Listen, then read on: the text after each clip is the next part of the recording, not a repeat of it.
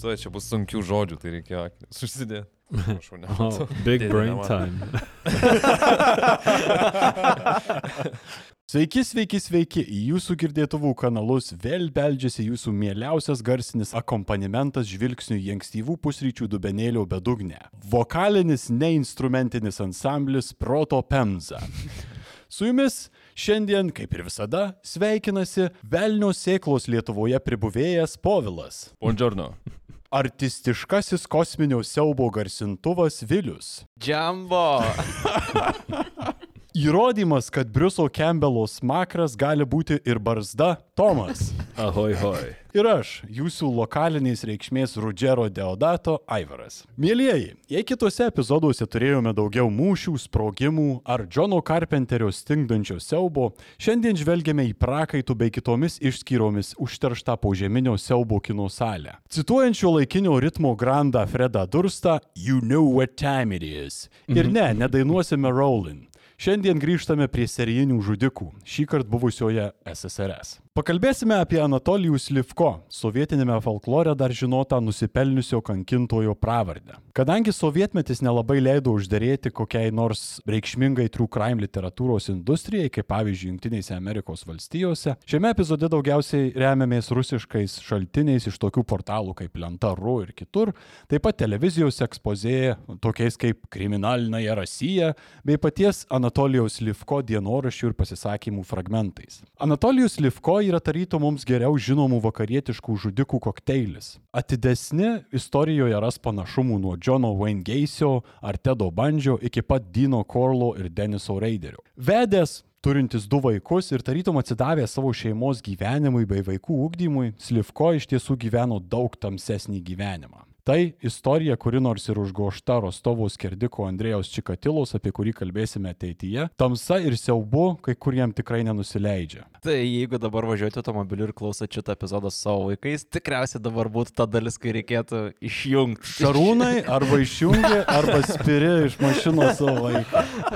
Arba mes nesam atsakingi už tai, kas išauks šito žmogaus. Gal, gal iš karto, ta prasme, ryškiai raudoną perspėjimą, pirmą ir paskutinį, kad at your own will einat po šitą. Taip, bus, bus, manau, kad bus tamsu. Aš galėjau viską, ką padariau, apibūdinti dviem visiškai priešingais būdais.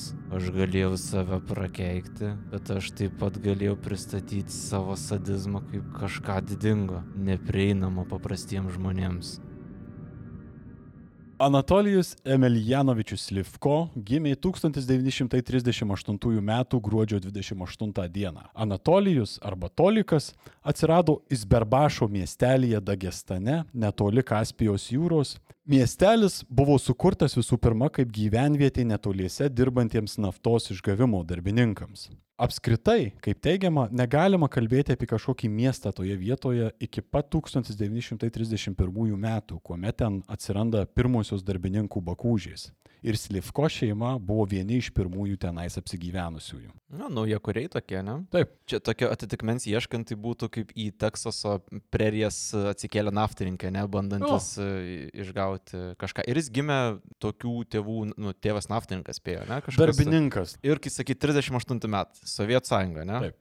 Kaip ir įprasta tokiuose istorijose, teigiama, kad nerožėmis klotas buvo visas šeimos kelias. Gyveno arba gimė į šeimą su, su, su savo tėvu, motina ir vyresniu broliu Andrėjumi. Tėvai nulatos pešėsi dar iki Anatolijaus gimimo. Po vieno iš tokių kiviršų Anatolijų savo iščiuose tebe nešiojanti motina netgi pabandė savo išprovokuoti persileidimą. Tačiau viskas, ką jai pavyko padaryti, tai iššaukti ankstyvą Anatolijaus gimimą. Vietoj persileidimo pagimdė serinį žudiką tiesiog, ne? Nu, galima taip ir sakyti. Laimė arba nelaimė, tačiau gydytojams pavyko išsaugoti naujagimio Anatolijaus gyvybę. Taip bent kalba pagrindinė ankstyvoji Slivko gyvenimo istorijos versija, nes yra ir kita versija, kuri teigia, kad iš tiesų su ta šeima viskas buvo gerai. Tėvas buvo labai darbštus darboholikas, kuris tiesiog labai daug dirbo ir ten viskas buvo gerai. Tačiau ši istorija ar tai dėl folklorinių ar kitų priežasčių yra dominuojanti versija, kalbant apie Anatolijaus Slivko pradžią. O tai yra jo paties versija, kuris sako, kad šeima buvo pilna visokių problemų, ar versija, kurią aplipdė jau vėliau ant jo. Vis būnagi, kad e, tie e, žudikai linkia susikurti savo tragiškas aplinkybės, kad galėtų lengviau pateisinti savo tą, tą tapatybę. Varapetskaitė netaip darė. Pamat, jo, panašiai. Tai. Bet konsensusas laikosi ant to, kad buvo ta tokia tamsesnioji istorijos versija. Pats Anatolijus, kaip dažnai būdinga ne fizinė jėga ir brutaliu dydžiu pasižymėjusiems būsimiems žudikams, buvo mažas ir silpnas vaikas. Nepadėjo ir tai, jog jis mažai valgė bei praktiškai visą vaikystę kentėjo nuo nemigos. Tolikas, būdamas tylus ir lygotas vaikas, vengė savo bendramžių vaikų kompanijos, kurią laikė pernelyg triukšminga. Jaunas senis, žinai, kur tyliau muzikos klausykite. Jisai daugiau laiko leido namuose, o po kurio laiko susirado ir ką veikti. Jis pradėjo veisti triušius, o po to juos skersdavo ir dirbdavo jų kailius. Čia toks kaip limonadą daryti. Tik tai triušiukus žudyti, ne? Skerdė dėl mėsos, dėl kailio ar dėl skerdimo? Mėsos ir kailio. Nors pomėgis jo dabar žiūrint atrodo pakankamai makabriškas, nusteptumėte, kiek dažnai jis buvo paplitęs net, pavyzdžiui, 90-ųjų a, Lietuvos kaimuose.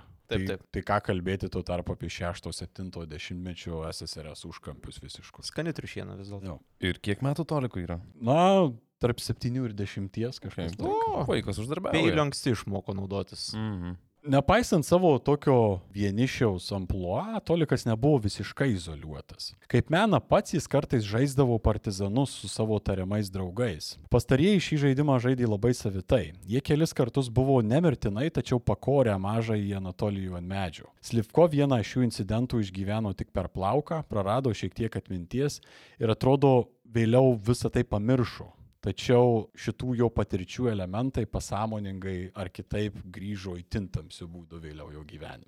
Tačiau be neryškiausias jo prisiminimas yra susijęs su ypač ankstyva jo vaikyste. Ir dėl ko, na irgi, kadangi jis daug yra paremtas e, šitas atsiminimas jo paties liudijimais, sunku yra patikrinti, tačiau jis taip pat iš, išlenda labai dažnai. 1942 metais, jam esant vos ketverių, kaip žinia, pasaulį siaubė antrasis pasaulinis karas. Kaip pasakojo Anatolijus, tuo metu kažkokiu būdu jis buvo liudininkas to, kaip vienas fašistas prieš jo akis nušovė mažą berniuką, bandantį nuo kulkos apsaugoti savo šunį. Slivko pripažino, kad paties nužudimo akto jis neatsimena, tačiau galvoje įsirėžė kitas epizodas. Akimirka, kuomet fašistas nusivalė vaiko kraują nuo savo blizgančių batų į to paties nušauto vaiko kūną, įsirėžė Anatolijui visam gyvenimui. Ir turbūt vėliau prisidėjo prie fetišo batams, kuris tampa svarbiu vėlesnėme jo gyvenime. Bet žiūrint vėliau, kai jisai veikia, tai ne, nėra kaip ir jo sugalvotas paaiškinimas vėlesniem jo uh, veiksmam. Čia yra tik jo tvirtinimas, kad jisai tai atsimena, ne? Kiek man teko sutikti taip. Tai labai gali būti, bet vat, turbūt tas tą istoriją ir daro dar tokią įdomesnę šitoje vietoje. Kaip vyras ir sakė, kad bandai sušvelninti savo, pateisinti vos arba kažkaip sušvelninti savo įvaizdį,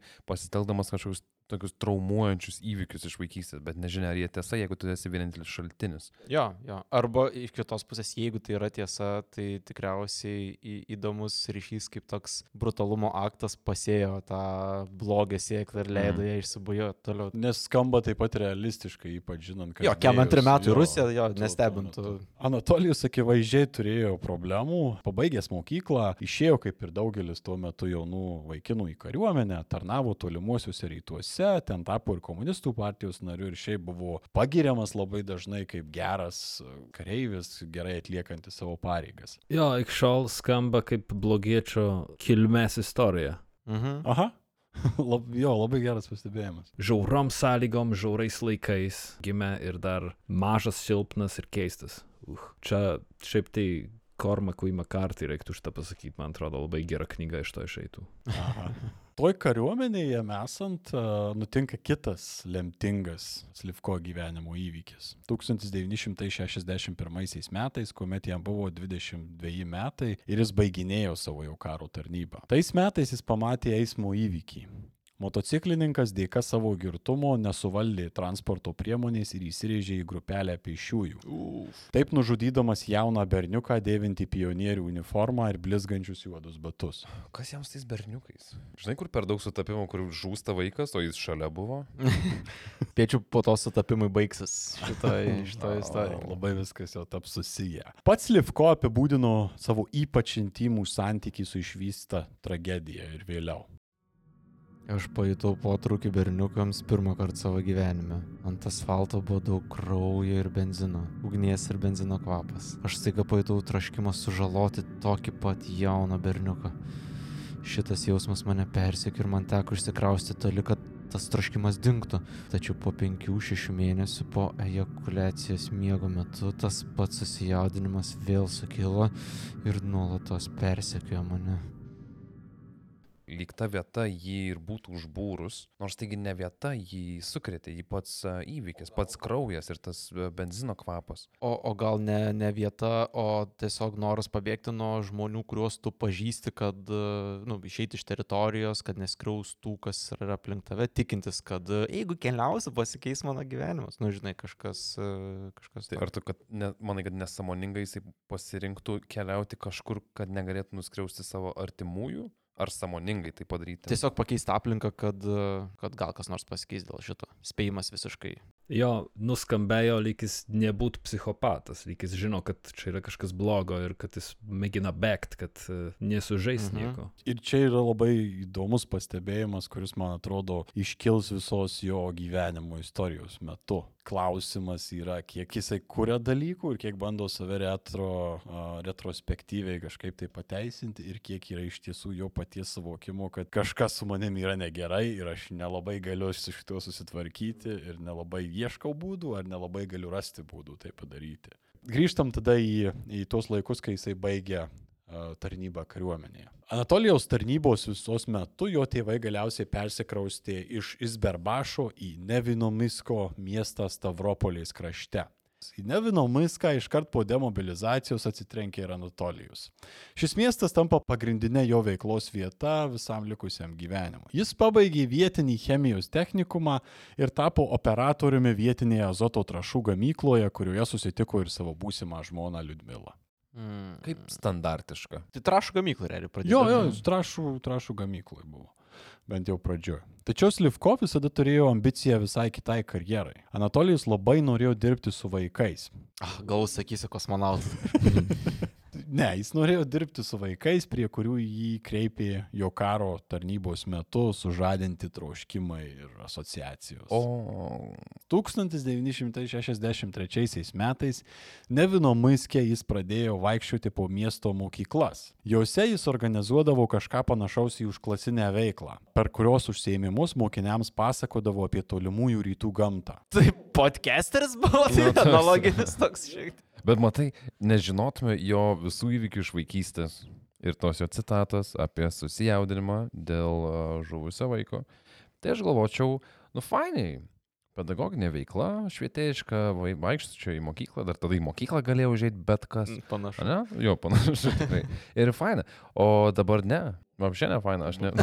Bet daug kas būtų pagalvoję kaip tu, nes jis galiausiai gavo ir patarėjo darbą vienoje iš mokyklų ir galėjo organizuoti savo prižiūrimai grupeliai mokinių, pavyzdžiui, poros dienų žygius į gamtą. Mm, Taip, mm. bus ir žygių čia. Apie Slivko edukacinius polinkius išgirdo ir jo pagrindinėje darbovietėje. Ir jie toli gražu nebuvo blokuojami. Priešingai, Anatolijų netgi skatino užsiiminėti tokia veikla, leisdavo jam praleisti darbo pamainas. 1966 metais vietinė valdžia netgi išskyrė mažas patalpas su sale ir keliais kambariais jo tuometiniam jau vadovaujamam turistiniam klubui Romantik. Toks monstras veikia pačiam branduolį su visom tom dalelėm, kas ir yra vaikai. Bet Čia, žinai, gaunas toks, tu apsupi save tuo, ko tu nori turėti labai daug, ne? Taip, Kad bet- teikia didžiausia. Bet ar nemanai, kad tada tai yra tik laiko klausimas, kada sproks viskas? Jo, tik, tik niekas nežino, kad tai bus, bet manau, turėjo būti toks visai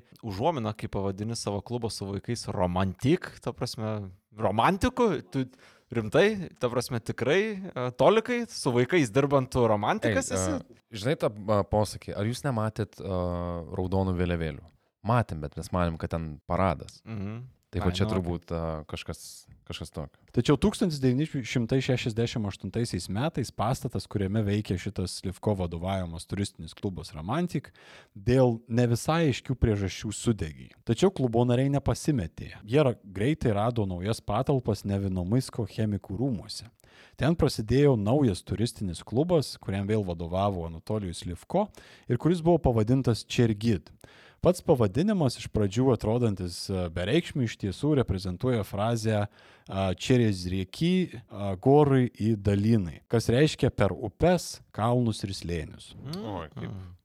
Už savo aktyvumą Anatolijus net ir neturėdamas aukštojo išsilavinimo galiausiai užsitarnavo net Rusijos sovietiniais federaciniais socialistiniais respublikos nusipelniusio mokytojo titulą. O, Tuo pasirūpino Nevinomaisko miesto partijos organizacijos sekretorė tiesiog dievinusi Anatolijų. Tikriausiai niekada nesigailėjo savo iš tą sprendimą. nei. Šitas toks paskyrimas, toks per aplinkų ir per kontaktus, turbūt niekam per daug mazolio ir netrynė. Net ir bendrame kontekste Anatolijus Livko buvo labai mėgstamas visų aplinkinių ir nevinomaisko gyventojų apskritai. Tai nes nenustabu, kad visi tie gyventojai ir, ir pavyzdžiui, jo grupėse esantys berniukai, juo bei jo sprendimais pasitikėjo dažnai net nekeldami jokių klausimų. Mhm. Augant Slivko reputacijai, juo labiau Čergit klubas gavo ir vis daugiau finansavimo iš vietinių institucijų. Tai tapo, nu, tokia kaip ir gerbiama jaunimą mhm. užimanti institucija mieste. Ir jis, kaip suprantu, dėl to buvo tapęs tokia autoritetinga figūra visai. Labai autoritetinga, taip. Jau, kuriuo tiki neklausdamas, atrodo kaip doras pilietis, įskūs tokio irgi nebelabai jau gali, būdamas vaikui ypatingai. Visiškai jis buvo, na, toks mo modelinis tiesiog pilietis, mhm. darantis viską. Tai pačiam Slivko net nereikėjo, tolikui, taip nereikėjo pačiam kažkaip promautinti savęs, nes tėvai tiek turbūt pasitikėjo jo, kad galėjo pas jį patys siūsti vaikus. Mhm. Anatolijus gerai tvarkėsi su savo klubu, jį labai visi mėgo aplinkui ir panašiai, ir kartu jis turėjo dar kariuomenėje užgimusią aistrą filmuoti. Su kamera Kvarts, gauta už gerą tarnybą kariuomenėje, jis filmavo viską, ką galėjo ir net mokė vaikus, kaip jie naudotis. Jo filmai buvo nors ir paprasti, tačiau populiarūs ne tik klube. Už juos jis gavo net apdovanojimų. Mm. Taip. Tai jis ir montavo juos, ant buvo Taip, taip, taip, daugiau taip. įdėta darbo. Aha. Tai jis toks nerdas biškiai atrodo. Nu, iš- taip, atrodo žmogus turintis hobius, pomėgius. Teigiami bruožai, plus jis dar įtraukė vaikus į tai. Kol kas. Jo, kol kas visiškai Jo, visiškai. Taip. Aš išleiščiau savo vaikus pas jį. Tos kameros naudojimas laikui bėgant darėsi vis klastingesnis. Slivko vis labiau pradėjo ieškoti būdų kamerą atkurti jaunystėje matytą avariją su pionieriumi. O kabutėse aktoriais šiuose spektakliuose turėjo būti ne kas kitas, o niekad nesibaigiantys ir atrodo nulatos gausėjantys Čergid klubo nariai.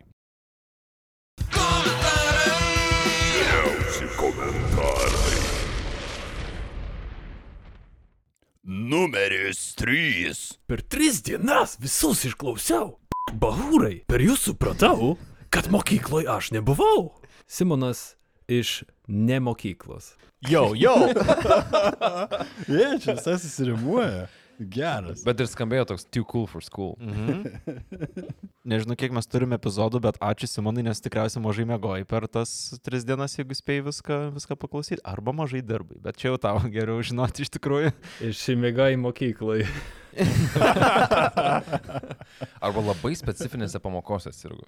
Ne, vis laikas, vis laikas smagu girdėti, kad e, galim kažkuo bent jau prisidėti prie žmonių išsilavinimo. Proto Pemzos universitetas daro savo, e, savo darbą. Ei, vis tiek tik, tikriau nei Donald Trump universitetas. Jo, ne. Ar mes, o tai mes perėmėm jau proftechninės lygį ir kolegijos lygį ir jau esam čia? tai jo. Ale čia skamba taip, lyg Simonas e, priekaištą mumi turėtų už tai, kad per mus suprato. Nedėka mums. o Dovanok. Per mus, jo. Ačiū, Simonai. Numeris 2. Ir vėl mentaliniai brigadiorai ant intelektualinio pamato statys brutalizacijos monolitus. Žilvinas iš monolito. E, Jeigu brigadiorai, ar mes esame oficialiai brigada? Brigada visų Brigada. pirma. Taip. A, a, Aš galvau, kad komandoje yra tik vienas brig brigadmeistras, kaip jis vadinasi, arkibrigadininkas. Pra, praravas. Brigadininkas, jo. Brigadmeistrys. Jo, tai va tiek čia to intelektualinio pamato, kaip girdi žilinai ir yra pas Jo, mus. jo, jo. Viskas gerai. Bet brutalizacijos monolitus tai ir, o ir šiandien skamba. Paaiškinkit man, kaip uh, neišprususiam užsieniečiui, čia jis ant mūsų užstumė ar pagyrė? Aš nesuprantu. Aš irgi galvojau. Kokių 7 procentų. Nuo intonacijos priklauso skaitimas, žinai, jeigu skaitysi teigiamai, tikriausiai teigiamai, jeigu ne, tai gal čia buvom a, apipilti pamazgomis šiek tiek, bet net jeigu ir taip a, apipylę taip elegantiškai, kad net nesmirda, tai Numeris vienas. Esu kiek nustebęs, kad turėdami visą reikalingą informaciją nesugebėjot padaryti tinkamų išvadų. Dietlovo įvykių metu buvo atliekami vandenilinės raketos bandymai. Praužusi raketa sukėlė katabatinį vėją ir sniego griūtį. Baisus garsas ir ant palapinės nukritęs luitas išgazino ten esančius žmonės ir virvėse įsipainiojus jernį. Paklaikę nuo garso ir kvapo žmonės išsispjovė, skylę ir pabėgo. Visą tai bandė nuslėpti KGB, nes metanolio prisigėrusios meškos tuo metu suėdė radioaktyvių kelnių atėjusius pasiimti amerikiečių agentus. Marius iš Posverdlovsko. jo, Mariu, čia žinok, šovį tokį, kad galėtum i, šiek tiek biški išplėtę savo žodžiais papildęs parašyti labai gerai perkamą knygą apie vieną iš Dietlovo teorijų. Tikrai, Rastum pritarėjų visose stovyklose. Tai kadangi mokslas ir, ir, ir nu, mokslas vadovaujasi didelė dalimi konsensusų bendruomenės ir tam tikromis nusistovėjusiomis tradicijomis, tai tu čia sugebėtum viską sujungti į vieną. Tai mes dėl to dar praėjus, kiek čia jau savaitė, daugiau, a, vis dar galvojame apie tavo versiją iškeltą ir toks gaunasi šiek tiek, vat, a, kad ne, nepadarėm darbo iki Jo, galo. aš epizode. turiu asmeniškai atsiprašyti, gal nes jeigu būčiau šitą teoriją žinojęs anksčiau, tikriausiai būtume, nežinau, visai kitaip pakreipę visą... e, Būtum teisingai papasakojęs. Jo, ats- atsiprašau visų klausytojų, nes matomai turėjom tikrąjį mentalinį brigadorą tarp savo klausytojų, kuris galėjo... Ir tik tai Marius ten negerai, man atrodo, parašė, kad ten nukritęs luitas išgazdino ten esančius žmonės. Tai ten monolitas turbūt. Ei, bet Mariu, turi, uh, turi keturis taip savo tolimesnė akademiniai veiklai šitą temą. Tai Teorija verta lėto plojimo. Būtų verta, jei ne viena žerinti skylė. Kas primyžo? A? A? Damn, ir griūna. Tavo podcast'o klausysi, Mariu, tikrai. Bet gal jis paliko, paliko mums spręs, supranti, visko neišduosi. Uf, puikus, uh, puikiai teorija, Mariu, ačiū tau. Geriausi komentarai. Grįžkime kiek atgal į 1964-uosius, o vos kažkur 4-5 metus atgal prieš tai, kai yra įkūriamas Čergid. Ok, tai 26 metų. Mm? Okay. Būtent šie metai yra laikomi pradžia, kuomet Slivko pradėjo ir savo kabutėse filmus ir eksperimentus, pirmiausiai su 13-17 metų amžiaus berniukais. Siužetas būdavo gana paprastas. Prieš filmavimą paauglys ar, ar berniukas visada turėdavo apsirengti pionieriaus uniformą ir būtinai apsimauti juodus iki blizgėjimo nušveistus batus. Neretai pats Slivko pasirūpindavo šitą aprangą. Aprengęs tą aprangą berniuką, jis liepdavo pastarajam lipti į vietoje surestas kartuves, įkiždavo berniuko galvą į kilpą ir taip palikdavo jį kabėti kurį laiką. Kuriuo momentu tai atrodo normalu, dabar kai mes tai girdim? Man nei vienu, bet mm. tai turbūt rodo tą didelį pasitikėjimą. Kituose scenarijuose paaugliui, pavyzdžiui, buvo užmaunama dujokaukė arba cilofanės maišelis su eteriu viduje, nuo ko tas berniukas arba paauglys prarasdavo sąmonę kelioms minutėms ir nelabai ką prisimindavo pabudęs. Pradžioje Slivko netgi neplanavo nieko žudyti ir tiesiog, na, jisai atidžiai studijavo medicinos vadovėliuose, kaip atgaivinti žmogų po dusinimo. Jo paties teigimu, jo didysis atradimas buvo toks uh, fenomenas kaip retrogradinė amnezija. Retrogradinė amnezija yra nesugebėjimas prisiminti senos informacijos įsiminto- įsimintos prieš kažkokį tai smegenų pažeidimą. Tokie sutrikimai atsiranda po traumų, po insultų, elektrošoko arba kartais net nuo narkozės. Ar tai reiškia, kad tu pamiršti informaciją, e, kuri nutiko prieš įvykį, tarkim? Jo, Taip. Tai jeigu tau uždeda ten mišelę ar kažką dar, tai tu, pavyzdžiui, pamiršti, kaip tu iš viso atėjai iki tos vietos ir ar pamiršai tiesiog patį procesą, kas nutiko. Bet Tai- jau jam tai Čia toks pasisekė. roofies, tik tai labai analoginis būdas. ane? Būtinių metodų. Tokių jau. Dar labiau apsisaugodamas jis nesakė nelaimingiems berniukams, kad jis filmuoja savo sąmonėje užgimusius scenarijus. Jis jiems vis išrasdavo kokią nors naują legendą. Viena jų buvo ta, kad jis atlieka medicininius eksperimentus studijuodamas atgaivinimo metodus. Pavyzdžiui, vienam sakė, okay. kad rašo disertaciją. Kitiems pasakojo, kad bando pailginti žmogaus stuburą ir padaryti berniukus aukštesniais ir sveikesniais. Nu, čia storais siūlais šitą mesgą. Mhm. Bet tokie labai paaugliški tie pa, įtikinimo būdai, kur įsivaizduoju, kad man čia dabar pusiau įtikinamai skamba iš tikrųjų, bet e, įsivaizduoju, jeigu tau 13-14 metų ir tau autoritetas tiesiog, jo, tikriausiai bando pailginti žmonių ūgį. Tuo metu dar ir buvo, man atrodo, ypač toj uh, tokioj folkloriniai sąmoniai, kad, pavyzdžiui, kabėdamas gali tapti aukštesnis. O dieve, net aš dar atsimenu iš keisės šitiek. Kiek kartų tu pasikoręs buvai? Uh, nepakankamai matomai. Nu, kaip matai iš mano ūgio, tai nelabai pasisekė man į gyvenimą. Ei, gal tu dar mažesnis, aš nežinau. puikus rezultatas. Dar kitiems jis pasakodavo, kad tiesiog bando žmogaus kūno gebėjimų ribas. Pavyzdžiui, uždėdamas maišelį ant galvos, jis sakydavo, kad bando pažiūrėti, ar berniukas išgyventų, jeigu kur nors būtų užverstas sniego griūties ir neturėtų pakankamai deguonės. Nu, kokie Super, altruistiški atrodo. tikslai, klausyk, nu, vien gelbėti ir padėti. Sutikdavo ne visi ir juos dažnai Slivko palikdavo ramybėje. Jau lab, kad nu, nesiskundė ir dar visai eilė kitų, kurie galėjo sutikti kažką tokio daryti.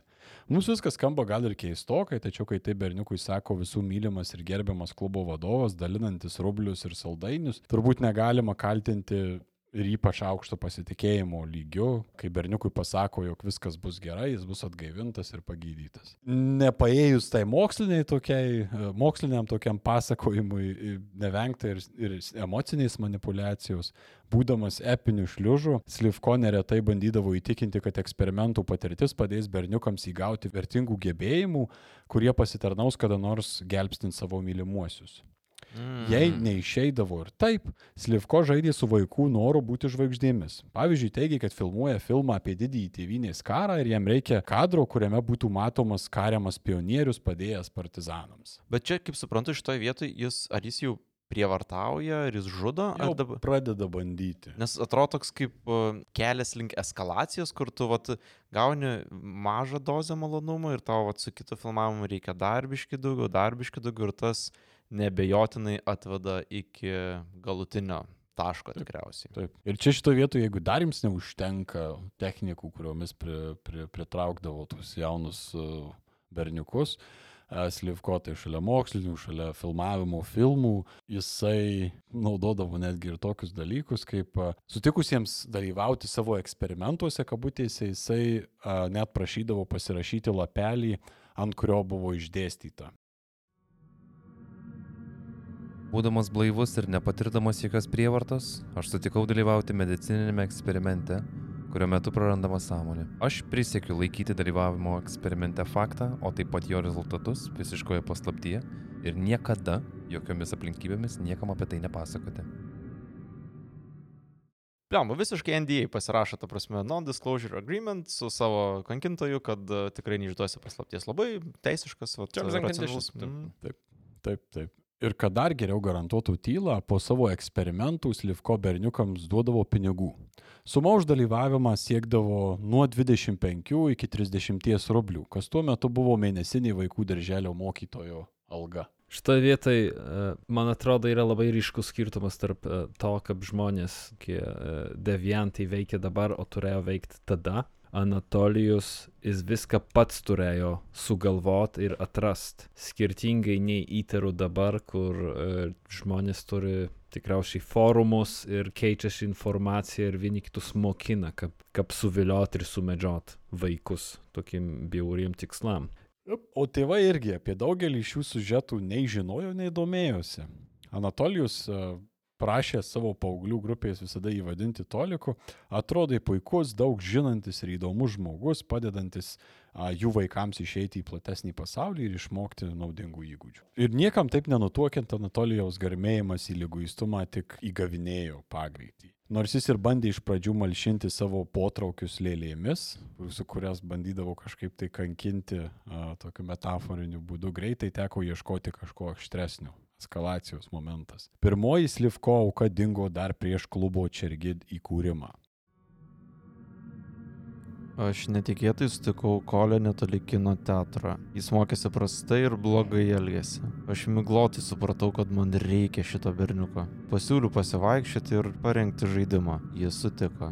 Aš vis dar nebuvau sugalvojęs, ką ir kaip su juo daryti. Besikalbėdamas nejaučiu seksualinio susijaudinimo, tik šalti ir įtampą. Tyrėjai vėliau patvirtino, jog pirmoji nužudyta Slivko auka atsirado 1964 metais Nevinomuiskė, po to, kai dingo 15-metis Nikolajus Dobryševas. Tada Slivko dar neturėjo to savo didžiojo klubo, tačiau jau buvo pradėjęs vaikščioti po mokyklas ir bendrauti su mokinių grupėmis. Kolė jis pakvietė į savo vėl kabutėse eksperimentą, kas rodo, kad arba jau buvo apmastęs viską, arba netgi jau turėjęs patirties, apie kurią informacija taip ir neišvydo dienos šviesos Mhm. iki šiol. Viskas vyko pagal jau apibrieštą scenarijų. Slivko pasakė Koliai, kad vykdo raumenų atpalaidavimo eksperimentą, kuris padarys paauglį sveikesniu ir stipresniu. Pastarasis sutiko. Kuomet Kolė prarado sąmonę, Slivko ne tik viską filmavo, tačiau dar sugebėjo ir masturbuotis bei ejakuliuoti ant Kolios batų. Jam neteko sąmonės. Kartu dabar žinote, ką jis darydavo per tas kelias minutės, kuomet jų aukos būdavo netekę sąmonės. Bet man kiltų klausimų, ar tiesiog tai būdavo viskas sutvarkyta ir būdavo toks, Aš manau, kad sutvarkydavo, o prie to reikia pridėti ir tai, kad turbūt 15 mečiai tuo metu nebuvo taip gerai pasikaustę lytinių reikalų žinojimo. Ne? mhm. Daugeliu atveju ta masturbacija viskas ir pasibaigdavo. Berniukai pabusdavo, nieko nesuprasdami. Slivko juos paleisdavo namo, sakydamas, kad eksperimentas pavyko. Akivaizdu. Visas išsišiepęs, tik tai šakinėja aplink. Jo, kaip gerai. Tačiau Kolios atveju viskas nutiko ne taip, kaip turėtų. Slivko jį per ilgai paliko kaboti pakartą, Kolė prarado sąmonę ir jos nebeatgavo. Nepaisant visų Slivko bandymų atgaivinti. Slivko šitai supratę sukapojo berniuko kūną ir jo dalis išmėtė į Kubanės upę, kuri tekėjo šalia miesto. Kaip jis, jeigu jis tuo metu dar neturėjo įsteigęs klubo, kaip jis tą berniuką prisiviliojo ir įtikino į... į... Jis jau tuo metu vaikščiojo po mokyklas, Ai, okei. jo klubas Romantik buvo pradėjęs vystytis, tai jis jau buvo gerbiama persona tuo O metu. keitis jau nuo romantiko laikų Taip, pakankamai Nes čia yra dar okei. prieš Čergidą visą. Mhm. Taip, taip. Kadangi Kolė buvo kilę iš tai, ką galima galbūt pavadinti disfunkcionalia šeima, jo dingimas buvo pastebėtas pernelyg vėlai. Motina kurį laiką tiesiog nelabai pastebėjo, kad jo sūnus dingo. Tikriausiai vienas iš šešiolikos buvo. Nu, Tai... kažkas tokio, arba tiesiog motina turėjo kitų reikalų, mm. ne, ne, ne tik jos sūnus. Amvėjus stumdo nuo durų prie durų. Kai jau, jau pagaliau susisgribo, jokios paieškos nedavė rezultatų. Pats Livko vėliau savo dienoraštyje rašė, jog jį po visos šitos mirties smaugė jau paties ašaros ir kad jis norėjo nusižudyti, tačiau nesugebėjo prisiversti pakelti prieš save rankos. Kaip mane užknisa, kai šitie šūdo gabalai kartoja, kokie yra vargšai, dėl jaučiasi kalti, ta prasme. Bet jau jo, kada jis tai teigia, dienoraštį savo ar Mielas dienoraštį? dienoraštį. Bet jis net, arba atrodo, kad tą a, dienoraštį jis jau rašo taip, kad kažkas jį pamatys, o ne tai, kad jisai savo išgyvenimus rašo, nes man jis tokiu narcisistišku dvokbiškai atsiduoda. Anatolijui nusižudyti savęs nepavyko ir, ir turbūt gaila, nes kaip rodo vėlesni įvykiai, galima kažkuria prasme bijoti jo nuoširdumu. Tiesa, yra minimas atvejis, kuomet jis planavo netgi vėliau nužudyti berniuką, tačiau paleido jį pamatęs, jog jo kojos ir batai yra purvini. Tuomet žudikas paklydus į vaiką tik pavalgydino ir paleido savais keliais. Įsivaizduoju, kas būtų sudėjus Slivko ir Diablo į vieną, į vieną Ne komandą. pirmas kartas, kada purvinos kojos ge būtų išgelbėję žmogų. Tai kaip, kaip tyčia sovietmečio. jo. Bet kokiu atveju, bendroji perspektyvoje, Slivko tęsė savo darbelius. Tiesa, po tos pirmos tokios, kaip jis sako, netyčiniais mirties, daug atsargiau, bent jau kurį laiką, labiau stengiasi nenužudyti savo aukų. Ir, ir tai jam sekėsi, bent jau eilę metų. Ir, ir tas toks uždusinimo, pasitenkinimo ir paleidimo prisidengus tai filmu ar tai eksperimento kažkokiu tai šablonu tapo jo modus operandi ateinantiems 20 metų. 20 metų nebuvo eskalacijos realiai. eskalacija buvo, tiesiog jis veikė tiek laiko. Jisai, jisai tai darė, na, tuos, kurių nenužudė ir paleido, jis tai padarė bent 43 kartus tarp 1964 ir 1985 metų. Jo, bet e, aš galvoju, ar ta pirma netyčinė žmogžudystė nepadarė iš, iš jo jau žudiko, ne, kuris pereitų į, į, į, į tą rimtesnį. Padarė. Padarė? Padarė, nu, nes jis vis tiek jau kartą yra tai padaręs ir turbūt jo galvoje šitas niekur nedingo. Ai, tai nebuvo, kad jis 20 metų tiesiog masturbuodavos ant e, kabančių Ne. žmonių, jų nenužudydamas. A- Absoliučioj daugumoje atvejų aukos buvo paliktos gyvos, a, smaugtos ir atgaivintos, bet praėjus beveik dešimčiai metų po pirmojo nužudimo, Slipko nesusilaiko ir vėl. Matyti, jam vėl prisireikia kažko aštresnio, nei tik tai tas tipinis scenos sudėliojimas. Bet čia bus antras kartas. Taip. Taip, bet prisiminkime, pirmas buvo netyčinis. Čia dešimt metų tu jau kaip ir... O gal mes nežinom, Jo, kas vyko. jo, aš galvoju 10 ir kad turėtų būti kažkokių tikriausiai tarpų šitoj. Nes jis jo, jis ir valkatas kažkuria prasme mėgdavo pasigauti ir taip toliau. Tai mes nežinom tiesiog. Čia yra Mhm. informacija, kurią mes žinom. Aš visada nurimstu besirūpindamas vaikų gerovę, bet man buvo gėda dėl Sašos. Aš su juo eksperimentavau su maišeliu, o ne virve. Viskas gavosi daug blogiau. 1973 metais Nevino Maiske dingo 15-metis Aleksandras Nesmėjanovas. Saša, kaip ir praktiškai visos kitos Livko aukos, buvo Čergid klubo auklėtinis, nes jau tuo metu Čergid klubas veikė. Mhm. Neilgai iki savo dingimo berniukas buvo pradėjęs augintis ilgus plaukus. Tai žinoma neliko nepastebėta tik vieną pilką jauno piliečio modelį propaguojančioje sovietinėje sistemoje. Viena iš Sašos mokytojų mokykloje dėl to netgi kreipėsi į Aleksandro motiną ir pareikalavo mokinį apkirpti. Motina, na, būdama rūpestingesnė, tą patį vakarą bandė su juo pasikalbėti, išsiaiškinti, kas mm. vyksta. Saša, pasitikėdamas ją, jai papasakojo, kad augina plaukus, nes ruošiasi filmavimams. O... Tačiau norys, kad motina viską kol kas laikytų paslaptyje. Motina, aišku, pažadėjo nesakyti, tačiau viską perdavė mokytojai. Mm. O mokytoja vietoje to, kad bandytų pasiaiškinti, kas vyksta ir galbūt prigauti slivko, pradėjo kitą dieną prieš visą klasę šaipytis iš berniukų. Tik pažiūrėkit, koks artistas pas mus atsirado ir Mhm. panašios frazės lydėjo Sašą tą dieną. Čia mokytoja. Taip. Taip. Mokytoja. Labai primena, e, seną tiksliau tą mokytoją iš Donio Darko, kur turėjo tą e, mylimą pedofilą savo irgi, kuris paskaitas skaitydavo ir netikėdavo mokiniais, bet tikėdavo tuo tariamu autoritetu. Va. Jaunam vaikinui, paaugliui, tai tikrai nėra pats turbūt lengviausias dalykas būti išjuoktam prieš visą savo klasę, Nu. prieš mokytoją. Bet tai ką tada darai? Ar kirpiesi plaukus ir tau jo. svarbiau ta didžioji dauguma, kaip tave, tave mokytoja apstumė ir tave visi vaikai dabar kaip ir tave pirštų bado ir taip toliau. Vis tiek laikaisi savo duoto žodžio dėl scenarijaus Saša. Saša turėjo savo sprendimą. Tai kokio lygio autoritetas turėjo būti tolikas? Saša labai supyko ant savo motinos už išduotą paslaptį, jis tai aiškiai pasakė grįžęs iš mokyklos ir tiesiog išėjo iš namų. dieną. Pabėgo, ne? Taip, Tiesiog. pabėgo. U. Ir tai buvo paskutinis kartas, kada ir šeima, ir jo sušiktai nuostabi mokytoja jį matė gyvą. E, Tėvai prasikeikė tikriausiai po to už šitą. Bet pasielgi kaip pasielgi, taip sakant. Jis, ties, na, jis tuo metu tiesiog dingo ir motina, na, nepaisant to, kad parodė tam tikrą plaidumą su, su mokytoja, neužtruko tiek ilgai, kaip, kaip, kaip praėjusios aukos motina, kad pastebėtų, kad jos sūnus pradingo. Ji iškart kreipėsi į institucijas, buvo pradėtas net baudžiamosios bylos tyrimas, tačiau paieška nedavė rezultatų. O motina visgi nepasidavė. Per ateinančius kelius metus jį važinėjo visur, nuo Minsko iki Arhangelsko, o jaunojo Aleksandro nuotrauka netgi buvo rodoma televizijoje. Pati Okay. motina, berots netgi darė kreipimąsi komunistų partijos pagrindiniam suvažiavime Mhm. prašydama padėti surasti sūnų. Nepaisant visų tų jos bandymų rasti sūnų, niekas neveikė. Vienu momentu vienas jau kalintis žudikas pavardę Madierovas prisipažino tariamai nužudė Sašą. Tačiau kaip vėliau paaiškėjo, te bandė meluodamas gauti šiek tiek dėmesio ir pakeliauti po šalį.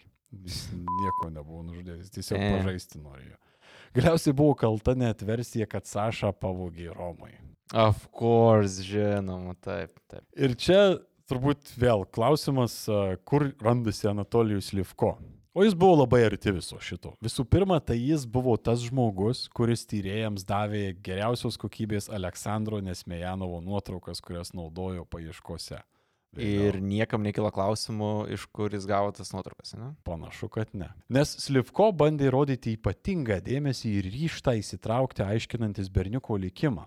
Motina įsakė nežinas, kur jis yra ir netgi išreiškė šiokį tokį nusivylimą ar net pasipiktinimą, kad nebuvo įtrauktas į paieškas anksčiau. Visą tai jis kalbėjo tuo pat metu nutylėdamas, kad šį kartą jau suplanuotai mirtinai pakorė Sašą Nesmejanovą ir vėliau sukapojo bei sudegino jo kūną.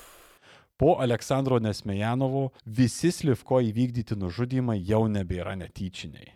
Jam tuo metu jau reikėjo daugiau, Mhm. nei tik tai, na, kažkokio laikino sąmonės pradanginimo ir ten pasižaidimo prie, na, suglebusio berniuko kūno. O liūdniausia turbūt yra tai, kad keli mėnesiai iki savo pradingimo Saša norėjo nustoti vaikščioti į Čergit klubą. Taigi nutraukti santykius mm. su Slivko, tačiau buvo atkalbėtas motinos, kas atvėrė jam kelią tapti Slivko išsidirbinėjimo auka. O šitoj vietoj e, Slivko gaunasi proceso žudikas. Ta prasme, tai yra, kad jis mėgaujasi pačiu Mhm. Jo, procesu, ne? O ne prasme, rezultatą. Taip. Jo, o ir, ir nėra aistros, o grinai suplanuoto.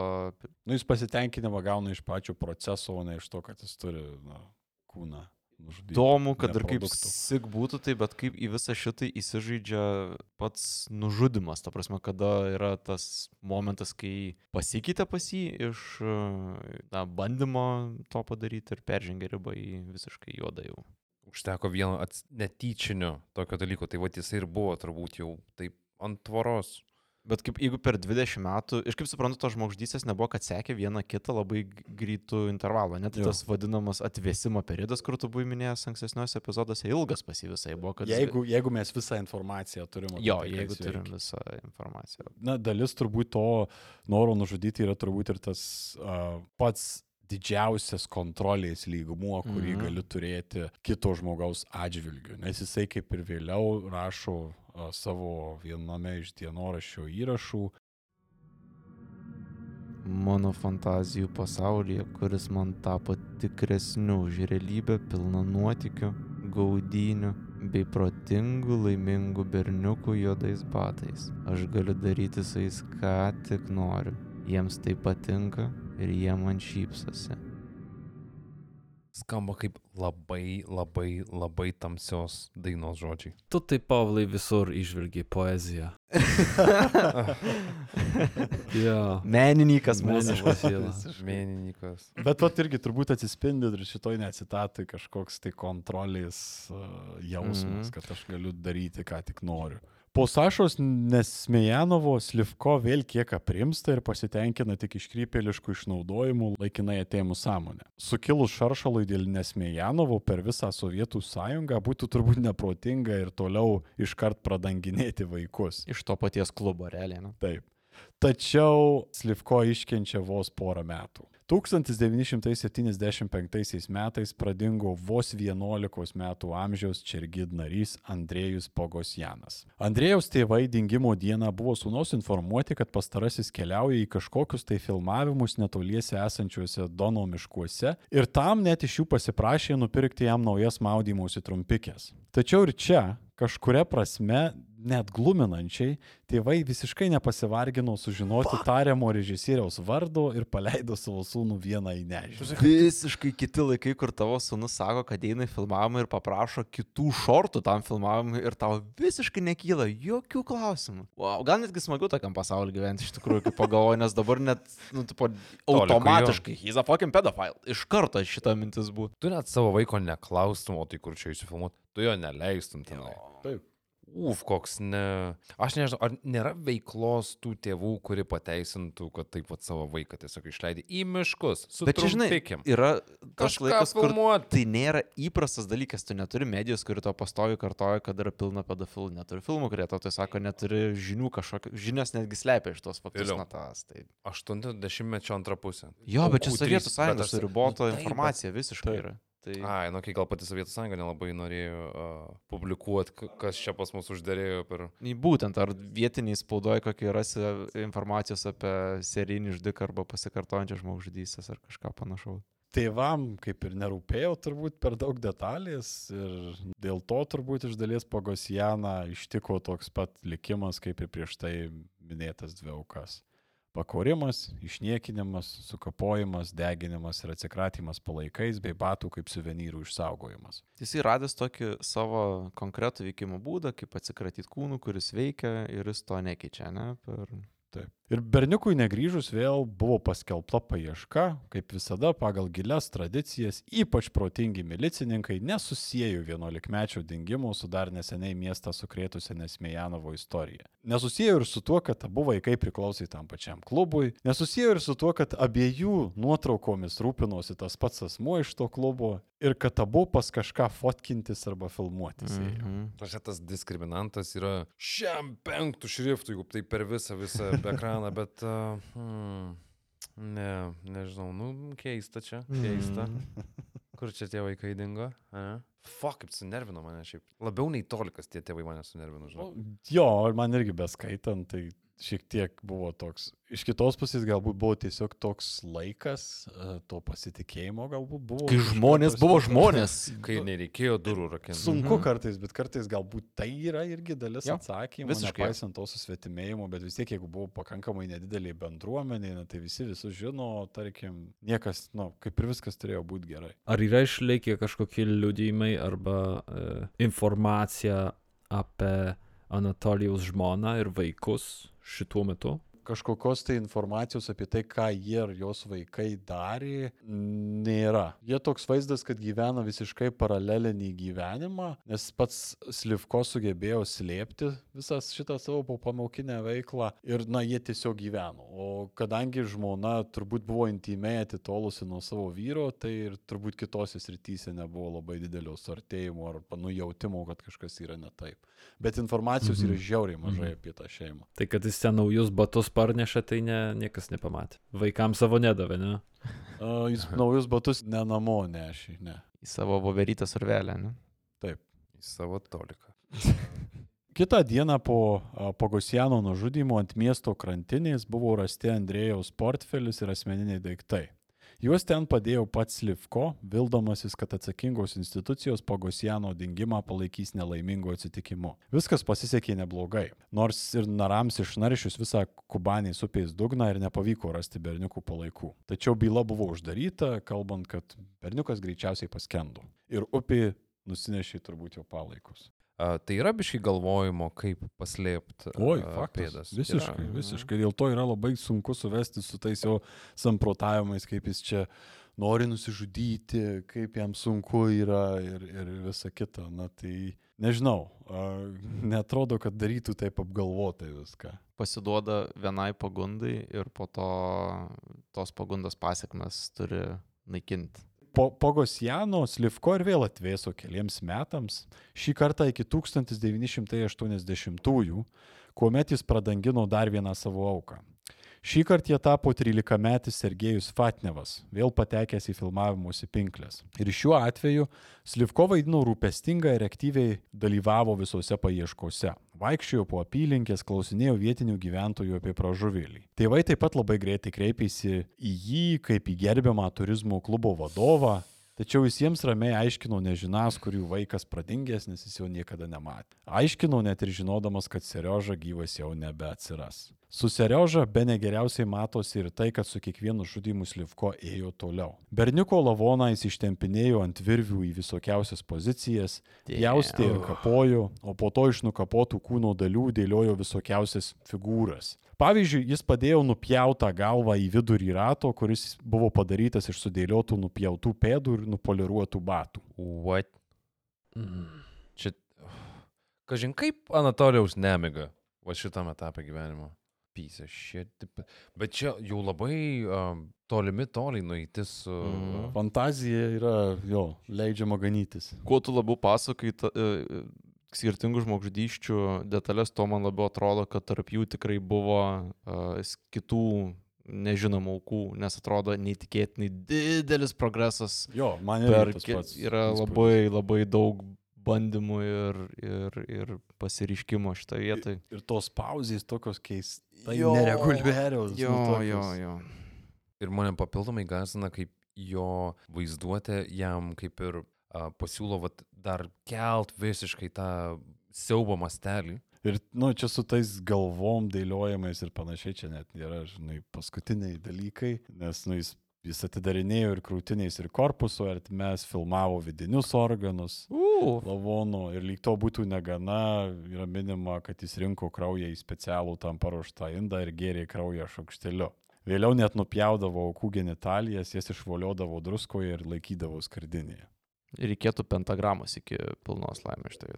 Šitie paskutiniai porą elementų turbūt irgi gali būti kažkokio tai folkloro dalimi, bet manau net prieinant iki tol, tai būtent iki ten atidarinėjimo ertmių ir filmavimo organų, manau, yra pakankamai brutalu, Mm, kad, nu, tai, kad išimsim tuos paskutinius porą elementų, nieko ne, nieko geriau nepadarys šitoje vietoje. Ir prisiminkime tą šoką po pirmosios netyčinės aukos.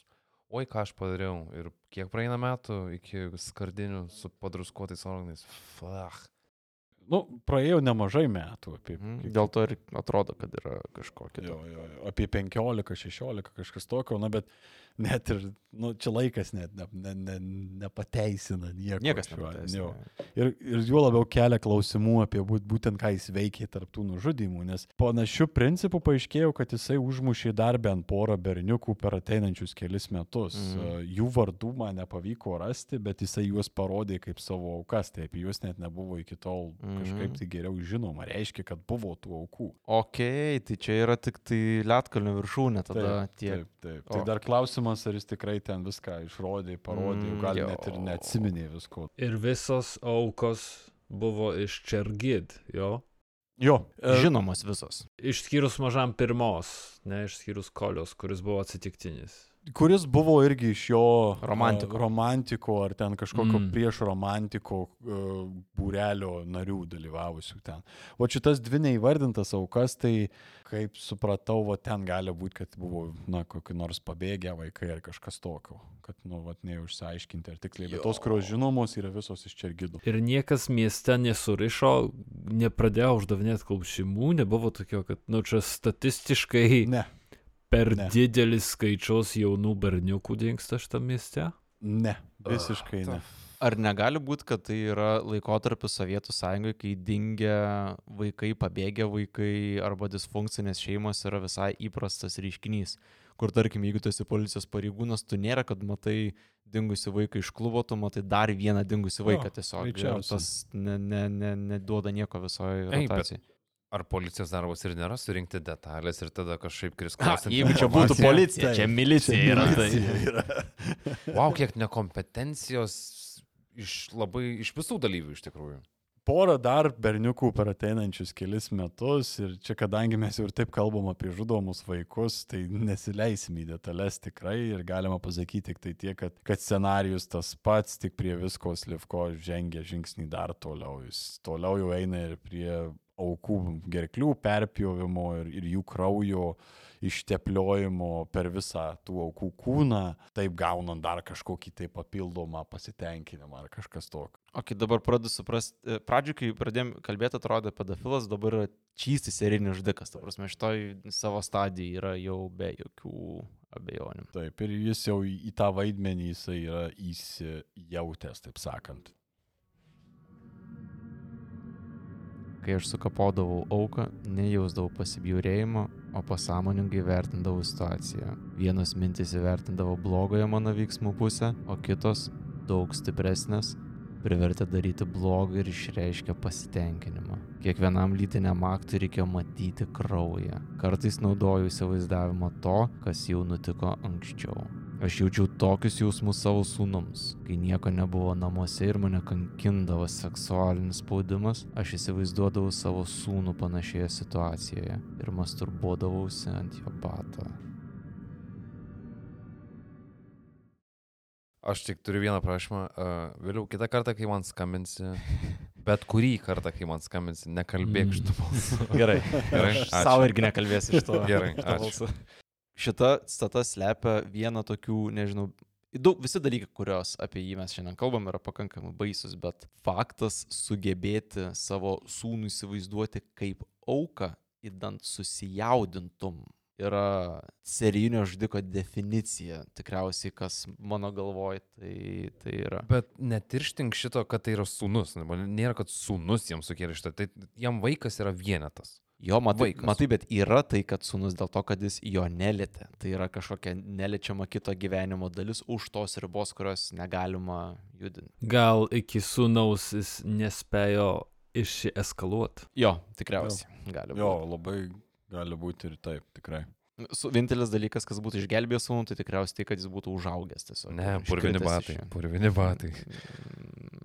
Mm, 1985 m. Liepą nevinomaiskė dingo 13-metis Sergejus Pavlovas. Berniuko artimieji pasakojo, kad berniukas prieš dingimą teigi einantis žvejoti Kubanės upėje. Meškerės Serioža nepasėmė ir tai, nors keista, per daug didelių klausimų nesukėlė. Gal pamiršo ir pasiskolins iš to, su kuo kartu žvejoti turėjo. Primena Dnepropetrovsko kažkuo tuos du berniukus, kur ir išvėjate.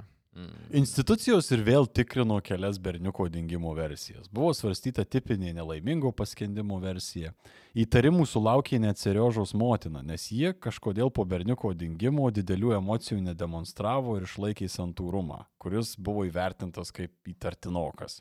Tačiau galiausiai prieiname prie tos situacijos, kur pamatome, kad Slivko visgi negalėjo kontroliuoti visų savo veiklos aplinkybių. Šokiruojantį proveržį davė viena Seriožos kaiminių. Pasak Lydijos Palavinkinos, prieš pat dingimą berniukas jai pasigyrė, kad Anatolijus Livko spalvotai fotografuos Seriožą žurnalui. Čia buvo pirmas kartas, kai buvo įvardinta tiksliai, pas ką Mhm. būsima auka arba dingęs žmogus planavo eiti. Ir policija susiję viską, padarė išvadas ir... Ne, ne, man. Tai buvo truputėlį. Milicija tokia atrodo. Pala, pala, pala. Girdis tas uh, procesoriaus garsas iš 90 metų, kur kalkuliuoja. Ir tokia išvada. Vaikas dingo. Vaikas, fotografija, fotografija, spalvos, žurnalai, žurnalai, kioskas. Mums reikia ieškoti kioską ir gauti par... White noise toks. Mm. Eventually. Tyrėjai bent tuo metu išgirdę visą šitą iškart susiruošė aplankyti Čergit klubo vadovo. Tačiau pavėlavo. Slivko su grupelė auklėtinių jau buvo išvykęs prie Juodosios jūros į žygį. Pats maniakas vėliau vėl pasakojo, kad kelionės metu jį eilinį kartą graužė sąžinė ir kad jis labai galvojo apie savižudybę, tačiau žingsnių taip ir nepadarė. Just do it! Ei, svarbu gailiusi. Žinai, gailiusis yra pirmas uh, žingsnis į kelią. Ai, karo, čia einis.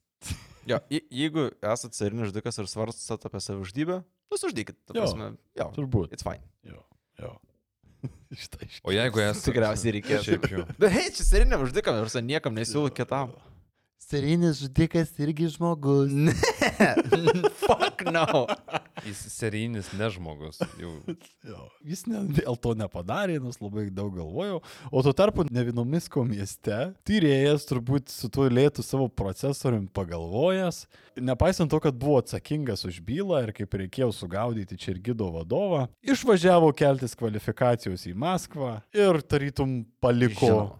bylą tiesiog. Jis ją perdavė vietinio prokuroro padėjėjai Tamarai Langujevai tokiai. Ir čia turbūt tikėjausi, kad kažkaip tai kažkas nutiks, vėl uždarys bylą ir viskas tuo pasibaigs, na, nes gerbiamas žmogus buvo apkaltintas. Nu, tai va, aš ten palikau viską surašytą stalčiui ir aš, e, ką žinau, Jo. Bet žinai, man rods, iš jo perspektyvos jis kaip tik mane, kad palieka, paliko Dead projektą visiškai, kur Gali vienintelis lydas yra pas gerbiamą visuomenės narį. Tai, e, nu, ta prasme, Tamara išsiaiškins, ne, tu čia iki galo iš to dalyko. Yra gi dar tų vaikų, viską.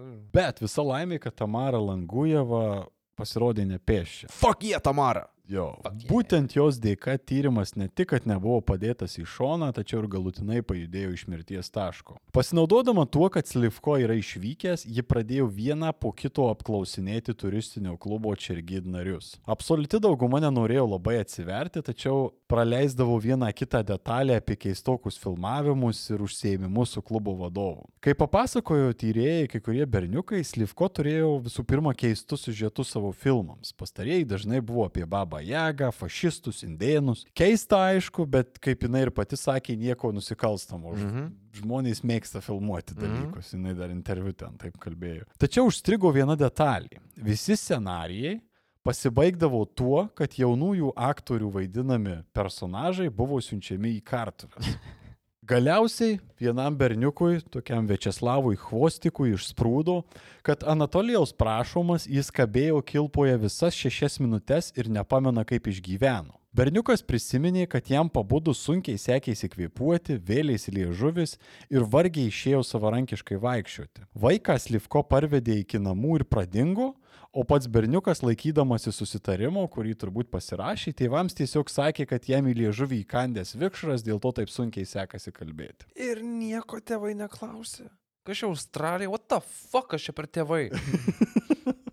tu grįžti pridu... Tai, kam on, šešios minutės ant kaklo. Kaip- kad ir kur tu ten kaboji šešias minutės, taigi visiškai matosi viskas. Vaikas grįžta.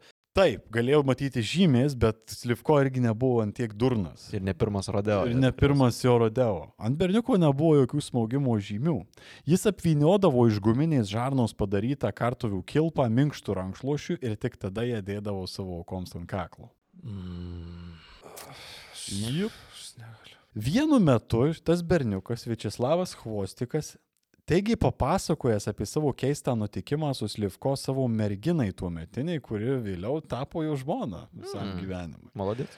Pastaroji savo ruoštų, kiek sukrėsta, viską papasakojo savo tėvams. Tačiau pastarieji jie nepatikėjo. Galvojo, kad šitie buvo berniuko fantazijos ir, na, galų gale tiesiog psichiniai negalavimai. Tai širpio žinios nepasiekė ir paties Večeslavo tėvų galiausiai. ar jos mama buvo seselė, o gal mokytoja? Geras klausimas, šiaip ne- ne- nedetalizuoja, bet, bet jo gal mokyti, o artistai atsirado čia. Hei, bet kaip tik rodo žmonių mentalinę būklę, kad tau lengviau įsivaizduoti, kad yra vaiko visiškai krypi fantazija kažkokia, negu kad patikėt, kad taip iš Nu, tikrųjų. bent patikrinti. Kita vertus, pati istorija yra tokia, what the fuck, negirdėta, ne? Tai Taip, būtent. Langujimo buvo ta tokia pirmoji, kuri oficialiai suvedė, kad pastarųjų metų nepilnamečių berniukų dingimai yra susiję. Ji galiausiai suprato, kad kiekvienam Čergid nariui einant į asmeninius filmavimus pas Livko, giltiniai galėjo būti labai arti. Juk tai reikėjo 10-15 minučių kilpoje tam, kad berniukas ar paauglys netektų savo gyvybės. Mm. Ir, na, kaip paaiškėjo, Livko vis kiekvieną kartą stengiasi vis ilgiau ir ilgiau ir ilgiau. Balansuoti ant tos prarajos. ane? Langujevo surinkta informacija galiausiai leido 1985 m. gruodžio 28 d. per 47-ąjį gimtadienį suimti Anatolijus Livko kaip įtariamą. Go Tamara! Go Tamara! Ir gerai, kad per gimtadienį. Šiaip aš... Ah, fui. Jo, ir čia buvo moterys, kurios galiausiai paėmė ir padarė, Mm. ne, ne, ne, ne, nepalikdamos šito nušaly. Pats Livko suėmimu buvo ypač pasipiktinęs. Milicininkams nuolat bandė priminti, kad yra nusipelnęs darbininkas, Nevainomisko miesto tarybos deputatas, nusipelnęs kalnų turistinio sporto meistras. Į vieną visus savo Jo, pasiekimus. jo, nu čia tas, žinai, kas aš esu, Taip. ne? Jo, visiškai, visiškai tas pats. Tarsi to nebūtų gana, gazdindamas tai savo ryšiais, valdžios organuose jis a, pro dantis netgi iškošė. Jūs šito pasigailėsite. Tačiau pasigailėti teko pačiam manijakui. Kratos metu jos sparnai labai greitai nuleipo, kuomet jis pamatė vieną iš tyriejų einantį į jo turistinio klubo pastate esantį kambarį su užrašu skydinė, ant kurio dar buvo ir perspėjimas, kad galima numirti ten neatsargiai elgiantis tame kambaryje. Mm, Čia galima tikrai numir- neikit. Tarsi, lipdukas galima numirti neatsargiai elgiantis, tai labai uh, ironiška. Jo bumper stickeris galėtų būti. Jo. Milicininkui, aišku, buvo nei motais ir jis įėjo į tą kambarį. Ir mirė. Ir Jau.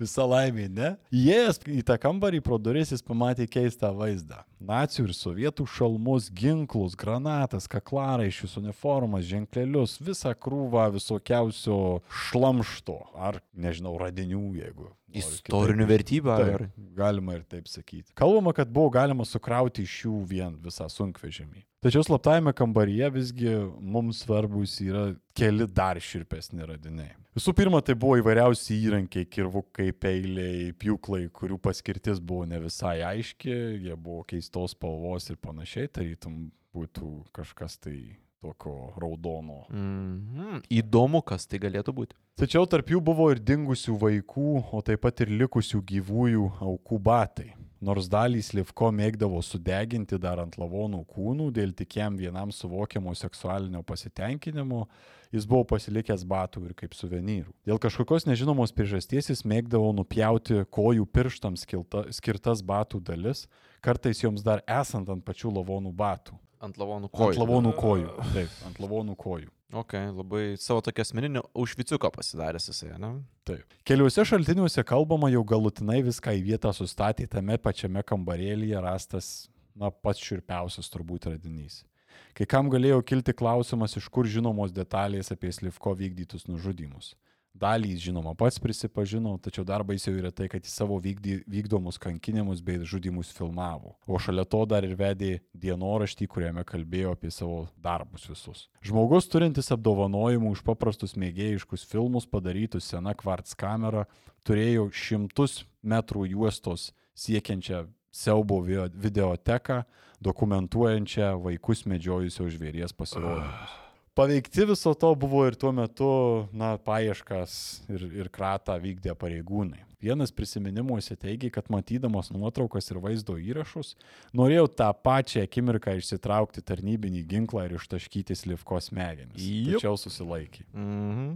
O, matai, pasirodo, žmonės gali susilaikyti, nepadarė kažkokių mm, žiaurių dalykų. Kas galėtų pagalvoti, kad... Impulso kontrolė. Jo, kur tai matyta? 43 aukos išgyveno, 7 buvo nužudytos. Su tokiu oficialiu įrašu Anatolijus Livko baigė savo serijinio žudiko karjerą. Iš pradžių tylėjęs per tardymus, vėliau Langujevai dėl visko prisipažino ir net nuvedė pareigūnus prie šešių iš septynių savo aukų kūnų. Aukų giminaičiams tai nereiškia atokvėpio toli gražu. Daugeliui tiesiog nepavyko pažinti žemėje trūnijusių apdegusių palaikų. Tuomet tyrėjai nusprendė parodyti jiems Slivko kameros užfiksuotus vaizdus. Tėvam?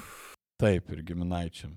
Tėvam nusprendė parod, parodytas video juostas? Čia nėra mokomasis video, kaip Sveiki. būti geresniu tėvu. Kai atvykę į Sovietų sąjungą. O, mhm. Technologijų nebuvo turbūt atsekti pagal visokius DNR, dantų įrašus ir čia buvo vienintelis. Aš tikiuosi, ta prasme, ten maža kokia ištrauka, ne, bet tarsi nėra, kad visą filmą fucking tėvam atidavė. Nežinau, bet vaizdai buvo tokie šiurpūs, o reakcijos tokios stiprios, jog prie teismo rūmų nuolatos būdėjo greitosios pagalbos automobiliai. Shit.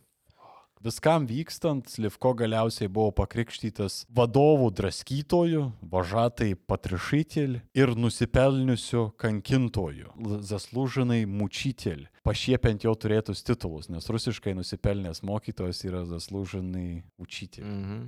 Teisme Slivko nepriminė jau drąsaus ir savimi pasitikinčio klubo vadovo, kokiu save pristatinėjo anksčiau. Dabar jis visas perkaręs ir drebančiomis rankomis nuleidęs galvą klausėsi kaltinimų. Slivko laukdamas bausmės bandė bent porą kartų nusižudyti, tačiau nesėkmingai. Per vėlai. Taip, jau jausdamas kelio galą. Specialistai, nepaisant visko, jį pripažino pakaltinimu, tačiau pripaišė jam pedofiliją, nekrofiliją, sadizmą, piromaniją ir dar visą krūvą sutrikimų. 1986 metais nuteistas mirties bausme sušaudant, jis dar gyveno po to tris metus, dirbo su psichologais, kuriant psichopato portretą. Jis net buvo pasitelktas gaudant kitą garsų sovietinį manijaką Andrėjų Čikatilą. Tačiau kaip ir Tedas Bandis nesugebėjo nuspėti nei vieno jo žingsnio.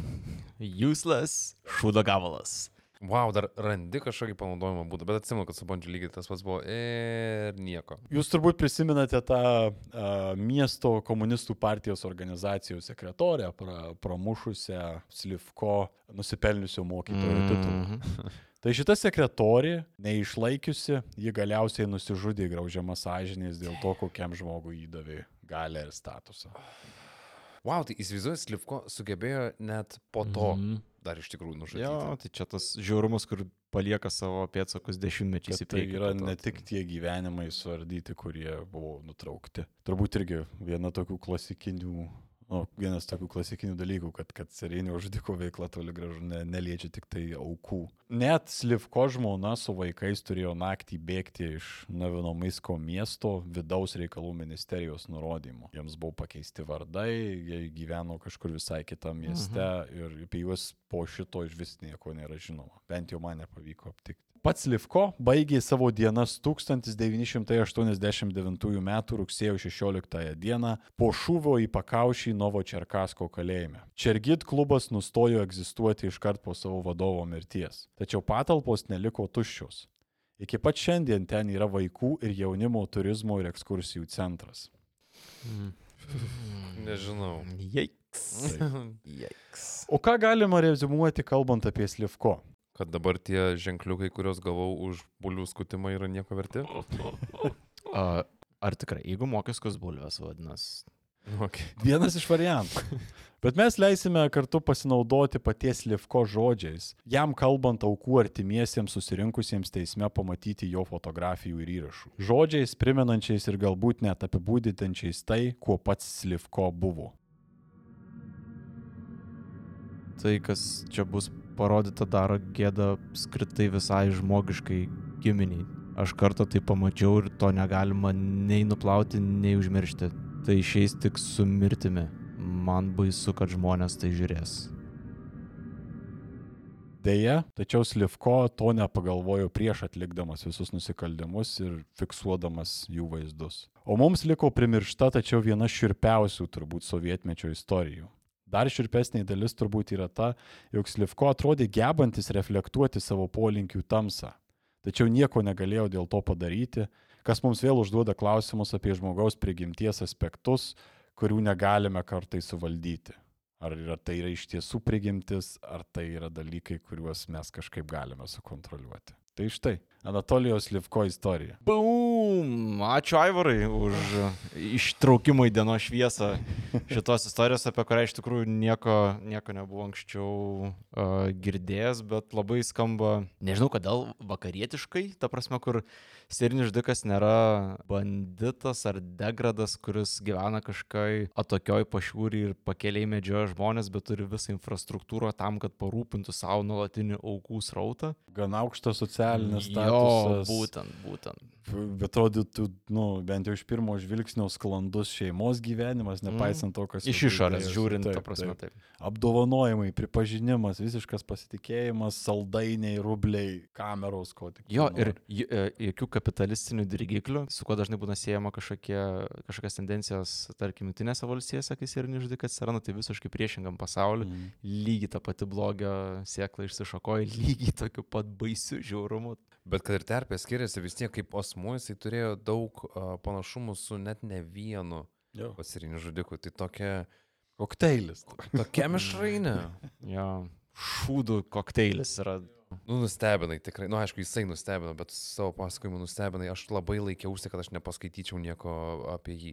paskaičiau vos vos. Ir aš galvojau, kad susispoilinau. Nieko aš šiandien susispoilinau, aš tiek, susi... aš tiek prisinervinau dabar. Bet tiek, kiek Slivko, pavyzdžiui, yra atsakingas už savo veiksmus, tiek pat mane nustebino, kaip aplinkui čia buvo toks perfect storm viskam vykti toliau. Tėvai, milicija, patys vaikai, for fuck's sake, nu, tipo, irgi bišiai kažkaip to uh, atsakingumo. Tu ne tai, kad uh, nepadarai um, galo tokiem veiksmam, bet tu iš dalies kažkaip pasyviai skatini juos, arba kartais net aktyviai. Labai nebaigštus žmonės, nu, vaikai ypatingai šitoj vietoj. Y, y, yra net e, istorijos, e, kur patys vaikai išgirdę, kad Slivko daro kažkokius tai eksperimentus, patys eidavo prašytis pas Slivko, ar jie negalėtų irgi prisidėti. Tu įsivaizduoji, kokią aš tikiuosi, kad ne vienas iš mūsų neįsivaizduoja, bet jam, kuris susisetapino savo visą tą instrumentą, po to matyti, kaip puikiai tai matomai veikia. Ah, oh, fuck! Vėliau tavo veidas viską pasako. I, I can't, ta prasme. Gal net veikia per gerai. Veikia per gerai tokia prasme, kad jam pasidarė nuobodu ir jis pajutė poreikį pereiti į kitą lygį. Ir aišku, ačiū už istoriją, labai stipri, ir bjauri. Įdomu man tas, ką tu pradžioj sakei, kad jam kažkaip tai atminti išdegino tas fašisto batas, kažkokį simbolį fetišą išblizgytam batui. O tada jis matė tą avariją ir savo tokis klausimas tada kyla, o jeigu jis tada nebūtų ėjęs tai gatvė, jeigu jis nebūtų matęs to vaizdo, ar būtų buvęs tas triggeris, kažkas jam persijungęs smegenyse, ar mažu jis taip ir niekad nebūtų e, realizavęs savęs? Geras žiauriai klausimas iš tikrųjų. Tų savo armchair psichologo versijų ar psichiatro versijų aš net negalėčiau turėti, nes kartais šita visa istorija atrodo surreali netgi man, nors aš visokių, apie visokią šlikštynės esu skaitęs ten ir žiūrėjęs ir visa kita, bet ši čia, na, dar susijęm su tuo, kad pasitas dienoraštis ten kalba apie sapnus, o būtent tas fašisto batas jam grįžo tenais kažkur sapnuose jau vos nesant vyresniam. O tas fašisto tokio. Batas net, neatsirado tuo metu, kai vyko tardymai, tai buvo kažkas, ką jis užsirašė dienoraščiuose. Jo, jis ką buvo užsirašęs jau dienoraščiuose prieš tai. Okay. Tai ten, kai rado tuos dienoraščius. Čia nėra bloga technika užrašinėti savo sapnus, tai. sapnus mm. ir savo tam tikrus polinkius, kurie tau kelia neramumą. Tai, kaip sako, vėl aš nesu specialistas, bet sako, tai yra viena terapijos rūšių, mm. kad tu neišprotėtum, tu turi užrašinėti, tu turi tau tai leidžia laiko reflektuoti, tai tau leidžia išmesti kažkur ir, ir taip toliau ir panašiai. Tik tai jo atveju jo. Aš nežinau, man visa ta uh, nacio ir batų istorija atrodo per gera, kad ji būtų Taip, tikra. Būtent. Atrodo, kad šitam Bet ir per daug absurdiškai tinkanti, kad būtų netiesa. Tam sergančiam protą kažkur bandant rasti kažkokį racionalizavimą savo visiškai neracionaliam, impulsyviam elgesiui suformuoti bet kokį naratyvą, bent kokį pamatą, ant ko stovi visa tavo pakim bepratybė. Jeigu tai yra tiesa, tai yra tik tai iliustracija, kad smurtas gimdo smurtą, žinai, per dešimtmečius ir šimtmečius į, į priekį. Tai nesipykim. Nesipykim. Kai ir kai sunku, eikim pas specialistus, eiti pas terapeutą ar panašius dalykus tvarkantį žmogų. Ir, ir turėkime empatijos, jei ateina žmogus su problema, nesijuokim ir jau tikrai ne, nežemikim prieš visus. Jo, nekikenkin seselės iš, iš žmonių. Ačiū visiems, ačiū, kad išklausėt ir turbūt iki kitų kartų. Iki. Ačiū ir iki. iki. Kaip visada Visą sąjunginio suvažiavimo dydžio padėka mūsų didžiausiems ir ištikimiausiems Patreonams.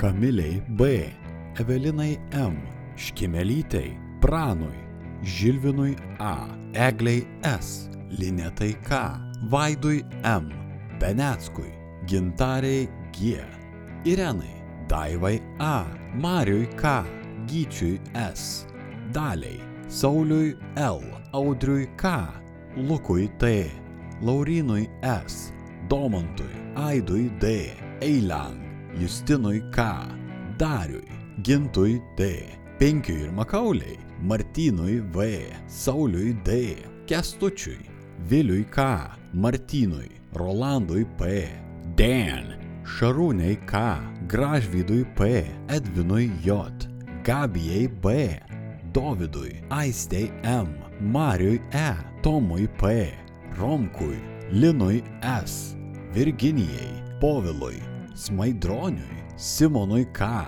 Henrikui H, Davidui G, Algirdui V, Linsei, Linai J, Gabrieliai, Gediminui S, Gintai A, Silvijai, Edgarui M, Robertui B, Domui U, Richardui S, Mantrmui, Simui V, Rimantui, Donatui T, Karoliui P, Edi, Andriui, Mikui, Mindaugui B, Sauliui S, Indrei G, Ninskaitei, Marijai T, Sauliui K, Mantui M, Elenai D, Audriui, Šarūnui S, Anastasijai B, Skirmantei, Sandrai K, Mildai Č, Raimundui Ž, Mindaugui, Marijui Ž, Gedriui S, Gvidui B, Simui B, Kūgiui Mūgiui, Gabrieliui S, Kazimierui K, Juliui A, Vytautui D, Rasai,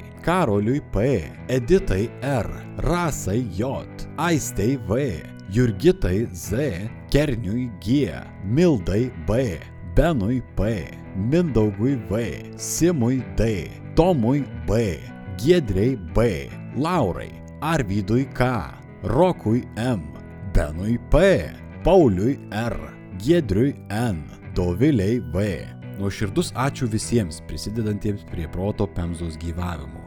Viskas nuo jūsų gero žodžio iki mėnesinės aukos tik kelia mūsų motivaciją judėti toliau. Iki kitų apsilankymų proto Pemzos siaubų krautuvėlėje.